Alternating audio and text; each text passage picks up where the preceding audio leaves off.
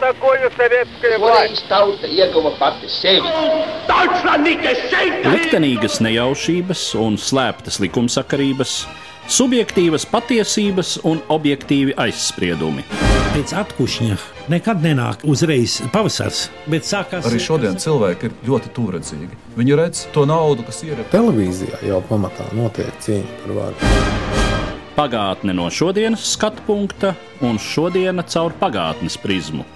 Raidījumā šīs dienas acīm. Katru svētdienu Latvijas radio eterā Eduards Liniņš. Labdien, cienījamie klausītāji!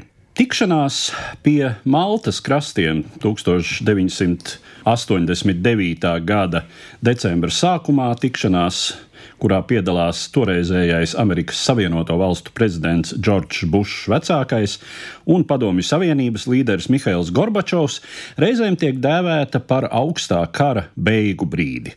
Kas tad bija tikšanās pie Maltas, kas notika līdz tai un kas pēc tam?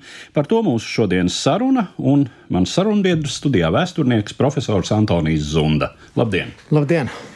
Ja jau mēs sakām, ka Maltas tikšanās ir augstā kara noslēguma punkts, lai gan tiek likti arī citi punkti chronoloģiski šim procesam, tad uh, kuru brīdi mēs atgādinot uzskatām par augstā kara sākumu? Augstais karš sākās pēc otrā pasaules kara beigām, un tas vesels laikmets starptautiskajās attiecībās, jo viņš turpinājās no 1945. un 1946. gada līdz PSRS sabrukumam, līdz 1991. gadam. Tā, tā šī chronoloģija ir un atsevišķi autori tur kaut kāds posms mēģina izdalīt vēl atsevišķi, bet tas nav svarīgākais. Svarīgākais, manuprāt, ir tas, ka tieši šie bijušie sabiedrotie, kas kara laikā bija kopīgā cīņā apvienojušies pret Nacisko Vāciju, viņu sabiedrotiem pēc otrā pasaules kara beigām vairāk neatrada šādu saskaras punktu, sadarbības punktus. Viņiem bija pilnīgi pretējs redzējums uz pasaules kārtību, un līdz ar to viennozīmīgi tas arī noved pie šī fenomena, pie augstā kara, pie šīs pretimstāvēšanas, kas skāra starp citu arī Baltijas valstis, Latviju, Lietuvu un Igauniju. Abas uzvarētāja lielvalsts pēc otrā pasaules kara Eiropa zaudējusi savu status pēc otrā pasaules kara.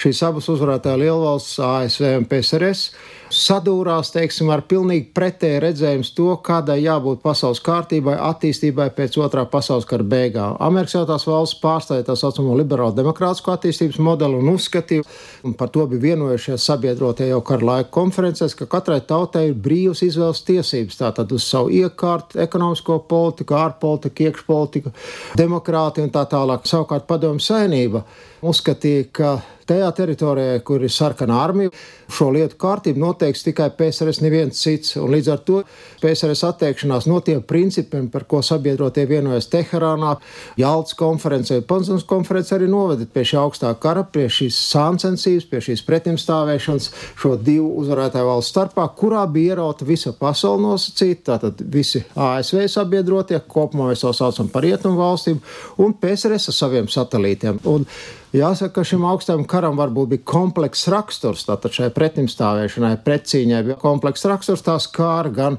politiskās attiecības, gan diplomātija, gan ekonomiskās attiecības, un bez šaubām arī drošības jautājums, kā tāds spilgts un izteikts augstā kara pavadonis bija vēl nebijis bruņošanās sacensība pēc otrā pasaules kara beigām, un varbūt tā interesanti klausītājiem būs tas, ka augstais karš skāra arī kultūras jomu. Tas izpaudās gan kino, gan daļaturā, gan dzējā, varbūt arī mākslā un tā tālāk. Tā kā šī augstā kara nebija ieguvēja neviena puse, jo tā prasīja tikai liels līdzekļus, kā mēs saprotam, šai bruņošanas sacensībai. Tas prasīja liels līdzekļus kaut kādai propagandai, un no tā bija zaudētājs abas puses. Beidzoties augstam karam, visa pasaule nosacīt uzelpoja, jo saprata, ka uzlabojoties attiecībām starp austrumiem un rietumiem, PSRS ASV, tas notiek 80. gadu beigās, un Malta šī tikšanās ir apliecinājums tam. Nu, cilvēki it kā varēja gulēt mierīgāk, jo tie pirksti no sarkanām pogām abās pusēs tā laikā bija noņemti. Kas bija tie brīži augstā kara gaitā, šais desmitgadēs, kad uh, šī pretstāve sāsinājās tik tālu, ka tas draudēja ar bruņotu konfliktu, kas, ja tas būtu visaptverošs, tad nozīmētu visdrīzāk kodolkaru ar cilvēcei traģiskām sekām. Jā, šie pieturas punkti ir militāra politiskās krīzes. Viena no pirmajām krīzēm, lai cik tas ar paradoxāli nebūtu, jau sākās 1948. un 49. gadā un bija saistīta ar Berlīnu. Beidzoties karam, Jālis konferencē vienojās četras uzvarētāja lielvalsts, ka Vācija sadalīs četrās okupācijas zonās, un Berlīne atradās padomu okupācijas zonā, bet par Berlīnu bija atsevišķa vienošanās, ka arī to sadalīs uzvarētāji četrās okupācijas zonās. Lūk, 1948. gada jau pavasarī Staļins uzskatīja, ka viņš varētu izspiest rietumus no Berlīnas, jo Rietumu Berlīna atradās kāda saliņa padomu okupācijas zonā Vācijā tika pieņemts lēmums par Rietumu Berlīnas blokādu no sauszemes, un vienīgais ceļš, kas palika satiksmē ar pārējo pasauli, Rietumu Berlīnē bija gaisa transports. Un līdz ar to lūk, šī pirmā Berlīnas krīze arī ir tāds pirmais nopietnais pieteikums šajā augstajā karā. Un jāsaka, ka jau tad, tad trīs gadus pēc kara beigām, pasaule atkal nobalansēja uz jauna konflikta sliekšņa, jo abas puses domāja, ka varbūt ar spēku var atrisināt šo problēmu, bet gan amerikāņiem, gan arī laikam padomu senībai bija tik daudz veselā saprāta, ka nu, tā nepārauga tiešām militārā konfrontācija Nākošais tāds pieturas punkts šajā vairāk kā 40 gadu ilgajā starptautiskā attiecību posmā ir saistīts ar Korejas karu, kurš turpinās no 50. līdz 53. gadam. Tas bija ļoti tālu no Eiropas, no PSRS un Rietumu valsts tieši saskars. Korejai bija līdzīgs liktenis kā Vācijai. Beidzoties Otrais pasaules kara, viņi arī sadalīja divās daļās. Tātad ziemeļu daļā nostiprinājās komunistiskais režīms, ko atbalstīja PSRS, un dienvidu daļā Korejā nostiprinājās režīms, kas sadarbojas aktīvi ar Rietumu valstīm. Lūk, 50. gada vasarā vasarā. Tā laika Ziemeļkorejas vadītājs Kim Ir Sens izdomāja, ka varbūt ar militāru spēku, un pārsvars bija ļoti liels pārsvars Ziemeļkorejai, militārā ziņā viņam izdosies ļoti ātri iekarot šo Dienvidkoreju un apvienot Koreju uz šiem komiskiem pamatiem. Un bez šaubām šāda ideja par komunismu nostiprināšanu tālajos austrumos atbalstīja padomju savienību. Un, un līdz ar to lūk, no 5. līdz 53. gadam šeit notika konflikts, kurā bija iesaistīta atkal rietumu un austrumu. Tas tikai tātad uzpūta nosacīt teiksim, šo augstākā ugunskura un saspīlējumu austrumrietumu attiecībās. Nākošais tāds pieturas punkts būtu minēts Berlīnas krīzes kārtējā, kas sākās 50. gada beigās, 1957. un 58. gadā ka tā laika padomu vadītājs Nikita Hruščovs nāca ar paziņojumu, ka Berlīna jāpasludina par brīvpilsētu, jāizved viss karaspēks no Berlīnas. Līdz ar to tas nozīmē viennozīmīgi rietumu aiziešanu no Berlīnas. Rietumi arī šoreiz negribēja piekāpties, bet no Amerikas neieņēma tik striktu nostāju. Viņi teica, mēs nesāksim trešo pasaules karu jautājumā par to, kāds būs Berlīnas status un kāda būs piekļuves ceļa rietumu Berlīnai. Bet rietumu mēģināja konkrēti Dvaits Eizenhārs, laikā ASV prezidents vest Hruščovu pie prāta un teikt to, ka tas jārisina politiskiem līdzekļiem. Hruščovs arī piekāpās un nolēma, ka uzcels apkārt rietumu Berlīnai mūri vairāk kā 140 km garu un tādā veidā noizolēs šo rietumu saliņu sociālistiskajā Vācijā. Un viens no iemesliem, kāpēc 50. gadu beigās sāsinājās šis Berlīnas jautājums, bija tas, ka miljoniem vāciešu bēga no Vācijas Demokrātiskās republikas, tā saucamās sociāliskās Vācijas, uz Rietumu Berlīnu, no kurienes varēja savukārt tikt tālāk jau uz Vāciju un citām rietumu valstīm. Un, lūk, Hruščovs teica, lai neļautu nosiņot demokrātiskai Vācijai, kas zināmā mērā ir prestiža jautājums padomju sēnībai, tad līdz ar to pieņem šo lēmumu par šī mūra celtniecību. Kā mēs zinām, mūrs pastāvēja līdz 89. gada novembrim 9. Tur gāja bojā bojā vairāk nekā simts cilvēku, kas mēģināja izbēgt no šīs Vācijas Demokrātiskās republikas. Un šis Berlīnas mūris, tātad, ko uzcēla 1961. gada augustā, arī bija kā simbols šim augstajam karam. 60. gadu sākumā ir nākošā tāda militāra politiskā krīze, ka tāds pieturas punkts šajā augstajā karā, tā ir Karību krīze vai Kubas raķešu krīze, kur padomju savienība tā paša Hruščova laikā slepus izvietoja vidējās darbības rādījus raķetes Kubā, kas kļuva par strateģiskiem kodolieročiem, ar kuru varēja iznīcināt ASV pilsētas. Amerikā reaģēja diezgan strikti Kenedija laikā, ar pasauli nobalansēt pavisam to trešajam pasaules karam. Nākošā tāda krīze, tā ir Vietnamas konflikts, kas sākās 1964. gadā un turpinājās līdz kādam 1973. gadam, kas arī saistījās ar komunistiskās Vietnamas mēģinājumu apvienot visu Vietnamu zem komunistiskās sistēmas pamata un Dienvidvietnams pretimstāvēšanu un mēģinājumu palikt pastāvīgai. Pavisam drīz, 70. gada beigās, konkrēti 79. gada decembrī, tika likti pamati nākošam konfliktam augstajā karā. Tas ir Afganistānas konfliktam, kad PSRS 79. gada decembrī iet savu karaspēku Afganistānā un pārņem kontroli par šo valsts. Tā kā lūk, šo militāru politisko krīžu rinda diezgan gara, un tie tādi, zinām, atskaites punkti šajā augstajā karā. Bet šī spriedze no 1945. 6. gada līdz 91. gadam neauga nepārtraukti. Šī spriedze arī mazinājās, un konkrēti tāds ilgāks laika posms, kad bija atpūsnes austrumu un rietumu attiecībās, ir 70. gadi, ko sauc starptautisko attiecību pētnieki par detantu, tādu ilgstošu dialogu un sadarbības mēģinājumu laiku starp PSRS un rietumu valstīm, konkrēti PSRS un ASV. Ja mēs raugāmies uz augsto karu kā uz procesu, tad uh, mēs tomēr redzam, ka te diezgan konsekventi izpaužas tendence. Tā ir Padomju Savienības tieksme vai Eiropā vai kaut kur citur pasaulē paplest savu ietekmes sfēru. Protams, arī rietumu diezgan krasa pretestība. Nu, vēl jau mēs starp citu varam piesaukt Suecas krīzi, Protams, ka rietumi nosodīja to, ko Padomju Savienība izdarīja Ungārijā 56. gadā, Čehoslovākijā 68. gadā, lai gan, protams, gan uh, šajos konkrētajos gadījumos, gan vispār austrumu blokā iekļauto nāciju liktenis nebija tas iemesls, kurš varēja tuvināt kaut kādu sāsinājumu vai krīzi. Teiksim, tur lielākoties iztika ar verbālu nosodījumu un, un morālu atbalstu pretpadomju spēkiem. To paredzēja tā saucamā Jaltas vienošanās, ko noslēdza sabiedrotie 1945. gada februārī šajā Jaltas konferencē, kas noteica šo ietekmes sfēru sadalījumu. Un tas noteica, ka Padomju Savienība realizē savu kontroli Austrum Eiropā un ka rietumi šeit neiejauksies šajā reģionā ar kaut kādiem citiem līdzekļiem, kā jūs teicāt, izņemot morālu nosodījumu, it īpaši Ungāra revolūcijas laikā 56. gadā, kad Ungāri un arī pārējās tās Austrum Eiropas tautas un, un trimdas bija ļoti vīlušās, jo ASV tikai paziņoja, ka viņi nosoda to, bet ka neko konkrēti rīcība nesakos slaktiņam, ko PSRS tur realizēja šīs Ungārijas revolūcijas laikā. Vai mēs varam runāt par to, ka 70. gadu nogalē, 80. gadu pirmajā pusē PSRS sāk zaudēt, ka PSRS nav pietiekamu resursu, ka šī plānveida ekonomika nav adekvāta un līdz ar to pamazām iezīmējas rietumu sociāla-ekonomiskais pārākums, kas nosaka arī PSRS atpalikšanu šai sacīkstē. Jā, es domāju, ka runājot par 70. gadu periodu, tas nebūs korekti. Kaut vai tādā rādītājā, kā strateģiskais bruņojums un militārais potenciāls, viennozīmīgi 70. un 80. gados PSRS bija lielvara.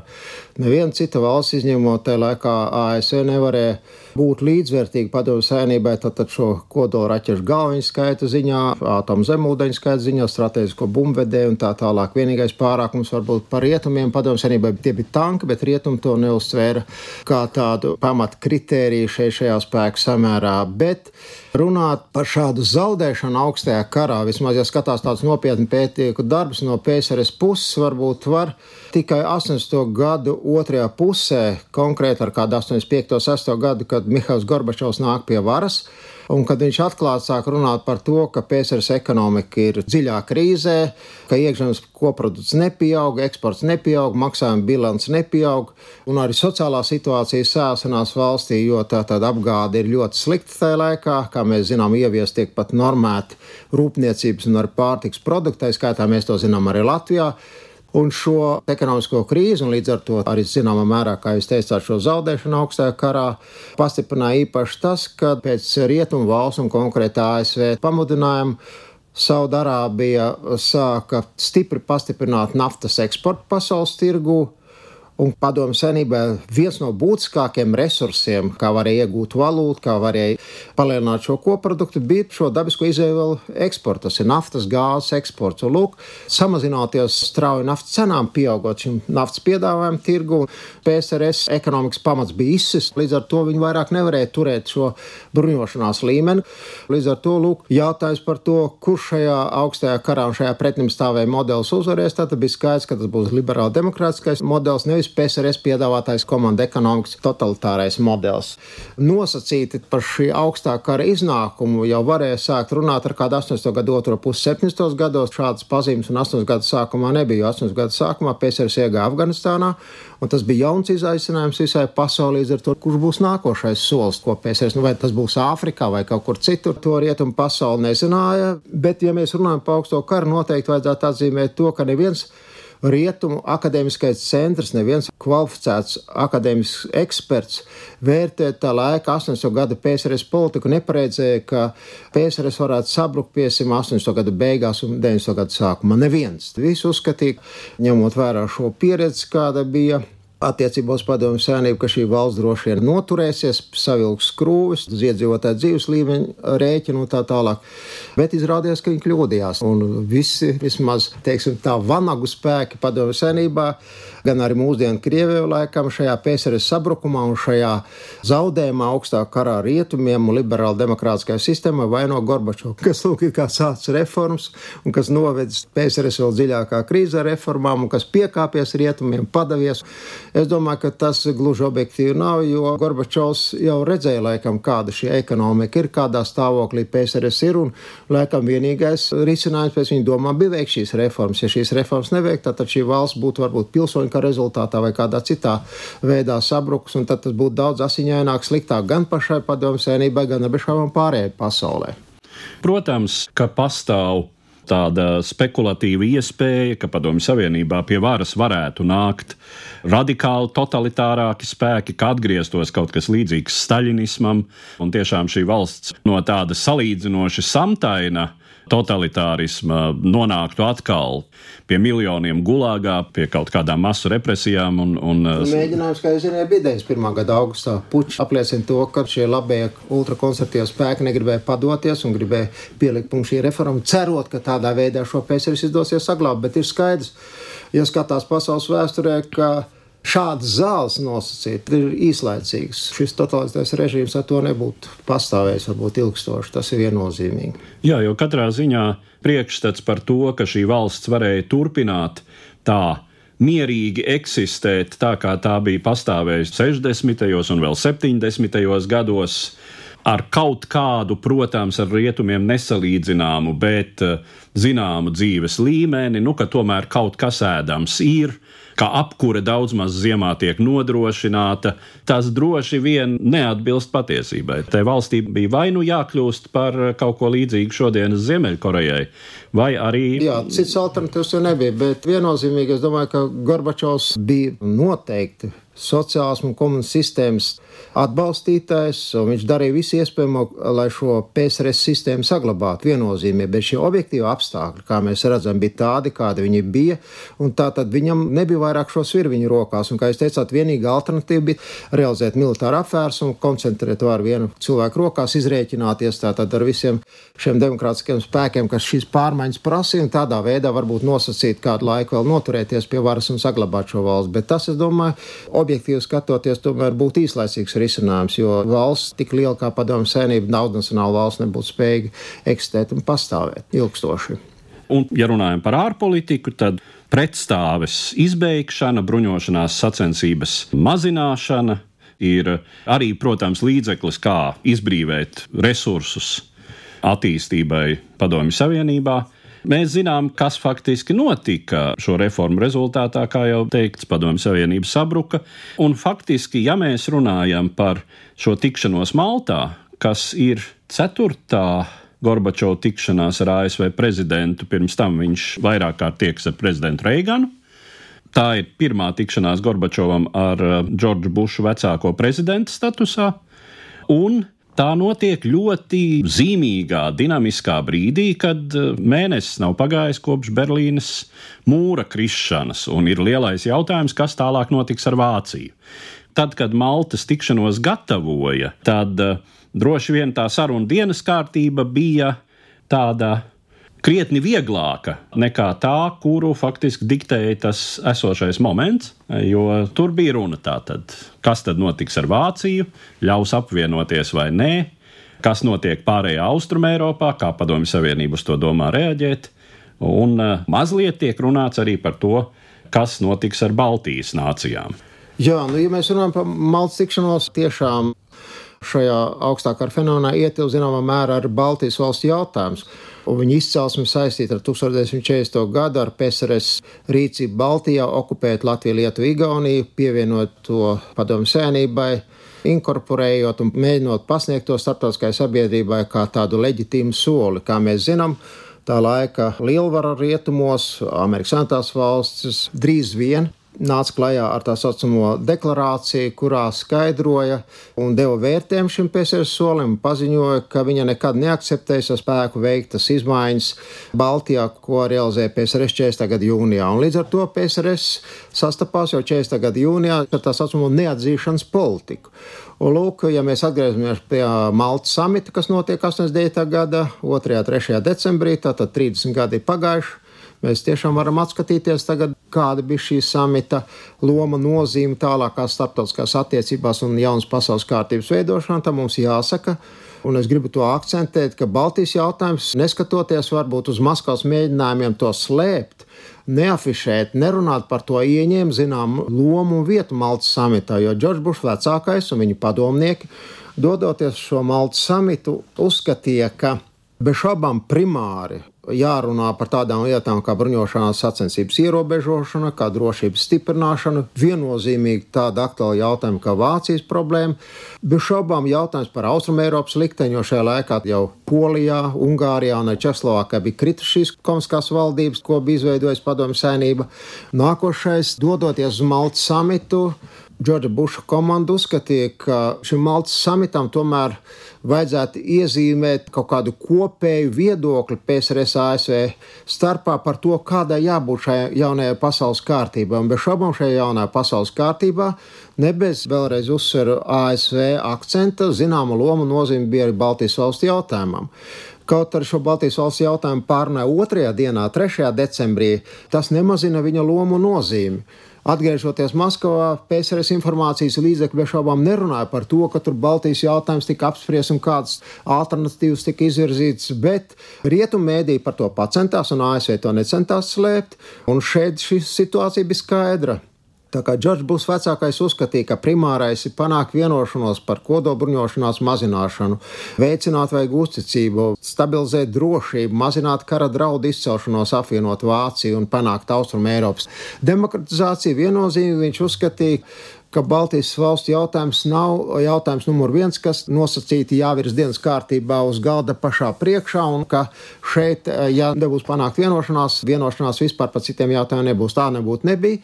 Bet ASV tomēr balstījās uz zināmiem principiem Maltā, runājot par Baltijas jautājumu. Džordžs Bušs, balstoties uz ieteikumiem no padomnieku puses, balstoties no o, ieteikumiem no Latviešu trimdas organizāciju puses, un tiešām Eiropa šajā ziņā bija diezgan aktīvs vēl pirms Maltas samita. Viņš tātad rakstīja vēstuli Džeimsam Beikaram, ASV valsts sektoram, kurā izteica savus apsvērumus. Izkristalizēja šādi trīs faktori. Pirmais, ka Džordžs Bušs paziņoja attiecībā uz Baltijas jautājumu, ka Neskatoties uz PSRS politiku, rīcību un skaidrojumu, ASV turpinās neatzīšanas politiku. Otrais PSRS nedrīkst ar spēku, ar militāru spēku, ar vardarbību apspiest šīs tautu kustības Baltijā. Un, ja PSRS uz šādu rīcību ies, Bušs teica, nu tad padomju senībai vajadzēs maksāt augstu cenu. Ne jau trešā pasaules kara pieteikums, pasardies ne, bet kad ASV izbeigs sadarbību ar PSRS, izbeigs atbalstu ekonomisko un sociālo problēmu risināšanā, ko ASV bija sākus darīt, un tādējādi lieta nonāks atpakaļ augstākā stāvoklī, kā tas bija apmēram līdz tam. Un Gorbačovs lieliski saprata šo ASV stratēģiju. Viņš vienīgi teica sekojošo: Jums jāsaprot, ka Baltijas jautājums priekš PSRS ir ļoti sensitīvs kā arī padomu saimnieba ir tā saucamie vanagi vai ultralabējie, kas uzskata, ka Gorbačovs un PSRS nedrīkst ne milimetru, ne soli piekāpties rietumu prasībām, rietumu spiedienam un ka jānotur savas pozīcijas. Viņš saka, jums tas jāsaprot, ja es pārāk daudz jums piekāpšos, līdz ar to mani pašu atstums no varas, nākošais apturēs visu demokratizācijas procesu, reformu procesu, apturēs sadarbību ar rietumiem, līdz ar to arī bruņošanās mazināšanu, drošības jautājumu risināšanu, kopīgi Vācijas apvienošanu un tā tālāk. Projām.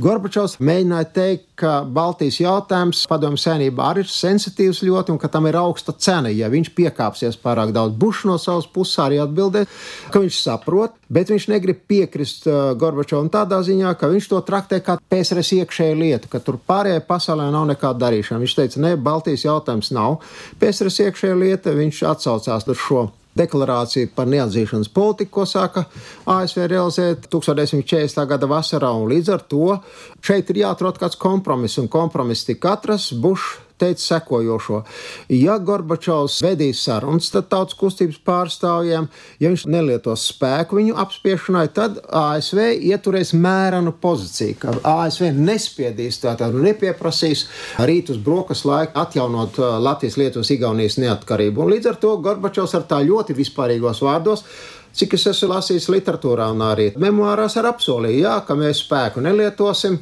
Es vēlreiz saku, Maltā neviens dokuments par to netika parakstīts, ka Baltijas jautājumā abas puses ieturēs šādu politiku, bet tā bija, teiksim, tāda džentlmeņa vienošanās. Ja mēs paskatāmies notikuma attīstību, tiešām Džordžs Bušs vecākais nespieda uz Gorbačovu, nekritizēja viņu. Vienīgi varbūt ASV kongresa ieņēma tādu radikālāku nostāju, it sevišķi tad, kad 90. gada martā Lietuva paziņoja par savu neatkarību, Lūk, kongress teica, ka vajag atzīt Lietuvu, tad Bušs ieņēma daudz atturīgāku nostāju. Ja mēs zinām 91. gadu un augusta puču un tā izgāšanos, tad Amerika nebūtu ne 24. ne 25. augustā 91. gadā nezina Latvijas neatkarību un Lietuvas Igaunijas. Viņa bija viena no tām valstīm, kas jau pēc tam atzina, kad atzina Krieviju. Lūk, šie spēles noteikumi, kas izkristalizējās sarunās Maltā starp Gorbačovu un Bušu par Baltijas valstu jautājumu risināšanu, tika kaut arī tā bija džentlmeņa vienošanās bez līgumiem, tika ievēroti. Un, ja mēs palasām Džeka Metloka memoārus, viņš bija ASV sūtnis Maskavā, ja mēs palasām Benas Kaukrafta memoārus, tad tie arī apliecina to, ka tiešām, ja Bušs kopā ar Tečeri it kā atbalstīt nosacītu šo Baltijas tautu tieksmi, vēlme pēc suverenitātes savu valstiskumu atjaunošanas, bet, ja mēs runājam skaidru valodu, 89. gada 3. decembrī, kad notiek šī saruna par Baltijas valstu jautājumu, Bušs vecākais neizvirza kategorisku prasību, ka, lūk, jāatjauno Latvijas, Lietuvas, Igaunijas neatkarība. Tāda prasība nebija. Bušs gāja šādu mērenu attīstības ceļu, cerot, ka jautājums varbūt atrisināsies pats no sevis, tautu kustība pieņemsies spēkā, krīze padomju savienībā padziļināsies, un objektīvi tātad situācija nodīs pie tā, ka šī neatkarība tiks atjaunota. Vēl varbūt nerunājot par Maltu, bet runājot par citiem rietumu valstu līderiem, tādā ne mums labvēlīgā nozīmē jāpiemina noteikti Itālija un Francija, un konkrēti es lasīju diezgan daudz literatūras strādājot pie Baltijas valsts jautājuma Mitrāns Lai cik tas pārsteidzoši nebūtu, tā ir demokrātiska Eiropas valsts ar ļoti senām tradīcijām. Mitterāns vēl pat 90. gadā uzskatīja, ka Baltijas valsts jautājums ir iekšēji pēcsaras lieta. Viņš tā tad nenāca ne ar kādām deklarācijām, paziņojumiem klajā, un līdzīgās domās bija arī Itālija. Vienīgi varbūt Tečere it kā izteicās pozitīvi mums, bet viņa arī vairāk bija par to, ka tas jārisina tādā veidā, lai nekaitētu Gorbačovam, ne, lai viņš paliktu pie varas un lai viņa pozīcijas būtu stipras. Ja mēs paskatāmies preses konferenci pēc Maltas samita beigām, tajā izskan ļoti pozitīvi scenāriju, jo konkrēti Gorbačovs runā par to, ka beidzies viens laikmets, sācies cits laikmets, tas būs ilgstoša miera laikmets, kam būs raksturīga sadarbība, uzticība un tā tālāk. Joprojām līdzīgi runā arī Bušs. Un līdz ar to varbūt Malta samizināmā mērā deva tādu signālu pasaulē par to, ka tiešām augstais karš ir beidzies, jo abu supervalstu līderi, kas noteica vairāk vai mazāk procesu tajā laikā visā pasaulē, ir skaļi pateikuši, kāds varētu būt šis attīstības ceļš un scenārijs. Tādā veidā varbūt mēs Maltas sametu atzīmēsim kā tādu ļoti pozitīvu faktoru, bet vienlaikus, kā jau teicu arī iepriekš, atzīmēsim to, ka Maltā Bušs nepieprasīja Latvijas, Lietuvas, Igaunijas neatkarības atjaunošanu. Tas liecināja, ka arī pēc Maltas mums būs jāturpina cīņa par to, lai šo suverenitāti atgūtu. Vēl viens jautājums. Vai mēs varam runāt šodien par kādu augstā kara mantojumu? Nosacīt droši vien, ka mēs varam runāt par augstāku kara mantojumu, bet, kā teica senie filozofi, divreiz vienā tajā pašā augā iekāpt nevar. Un bez šaubām ir 2019. gadā pilnīgi cita situācija. Bet varbūt šīs mantojums un šīs pazīmes ir sekojušas. Proti, ka arī mūsdienās, 21. gadsimtā, pasaules kārtību zināmā mērā nosaka un diktē un ietekmē valstu nevienlīdzīgās attīstības likums. Ka ir periods, kurā kādas valsts uzplauks, strauji attīstās, tātad pieaug viņas ietekme pasaulē, pēc tam varbūt ir kaut kāda šīs valsts attīstībā stagnācija, un tad iespējams šīs valsts lejupslīdā. Kā mēs redzam, 21. gadsimtā ļoti izvirzīsies Ķīna, kas parādīsies kā ļoti globāls spēlētājs, kas, ja skatās pirmo augsto kartu, tad mēs redzam, Ķīnai tur pilnīgi nekādas nozīmes. Galvenie spēlētāji bija PSRS PSRS un ASV. Nākošais jauns spēlētājs mūsdienās, runājot par pasaules kārtības noteikšanu, bez šaubām Eiropas saimnība, kas arī pārdzīvo viennozīmīgi ne tos vieglākos laikus pašlaik. Un jāpiemina arī PSRS mantiniece, varbūt Krievija, kas tieši balstoties nevis uz ekonomiskiem faktoriem, viņas iekšzemes koprodukts un Nīderlandes līmenī ir, bet tieši uz šo militāro faktoru, uz militāro potenciālu mēģina atkal nosacīt atgūt, bet arī iegūt perspektīvā lielāku lomu nozīmi šīs pasaules kārtības noteikšanā. Tā kā vēsture attīstās tiešām laikam pa spirāli un ik pēc kāda laika, tad pateicoties šim valsts nevienlīdzīgās attīstības likumam, notiek kaut kāda pārgupēšanās spēka, kaut kādas ietekmes pārspēlēšana, un līdz ar to mēs būsim liecinieki tam, kā tad viss tas attīstīsies tuvākā vai tālākā laikā. Līdz ar to arī noslēdzam mūsu sarunu un saku paldies manam sarunbiedram, vēsturniekam, profesoram Antonijam Zundam. Katru svētdienu Latvijas radio viens par pagātni sarunājas Eduards Līniju.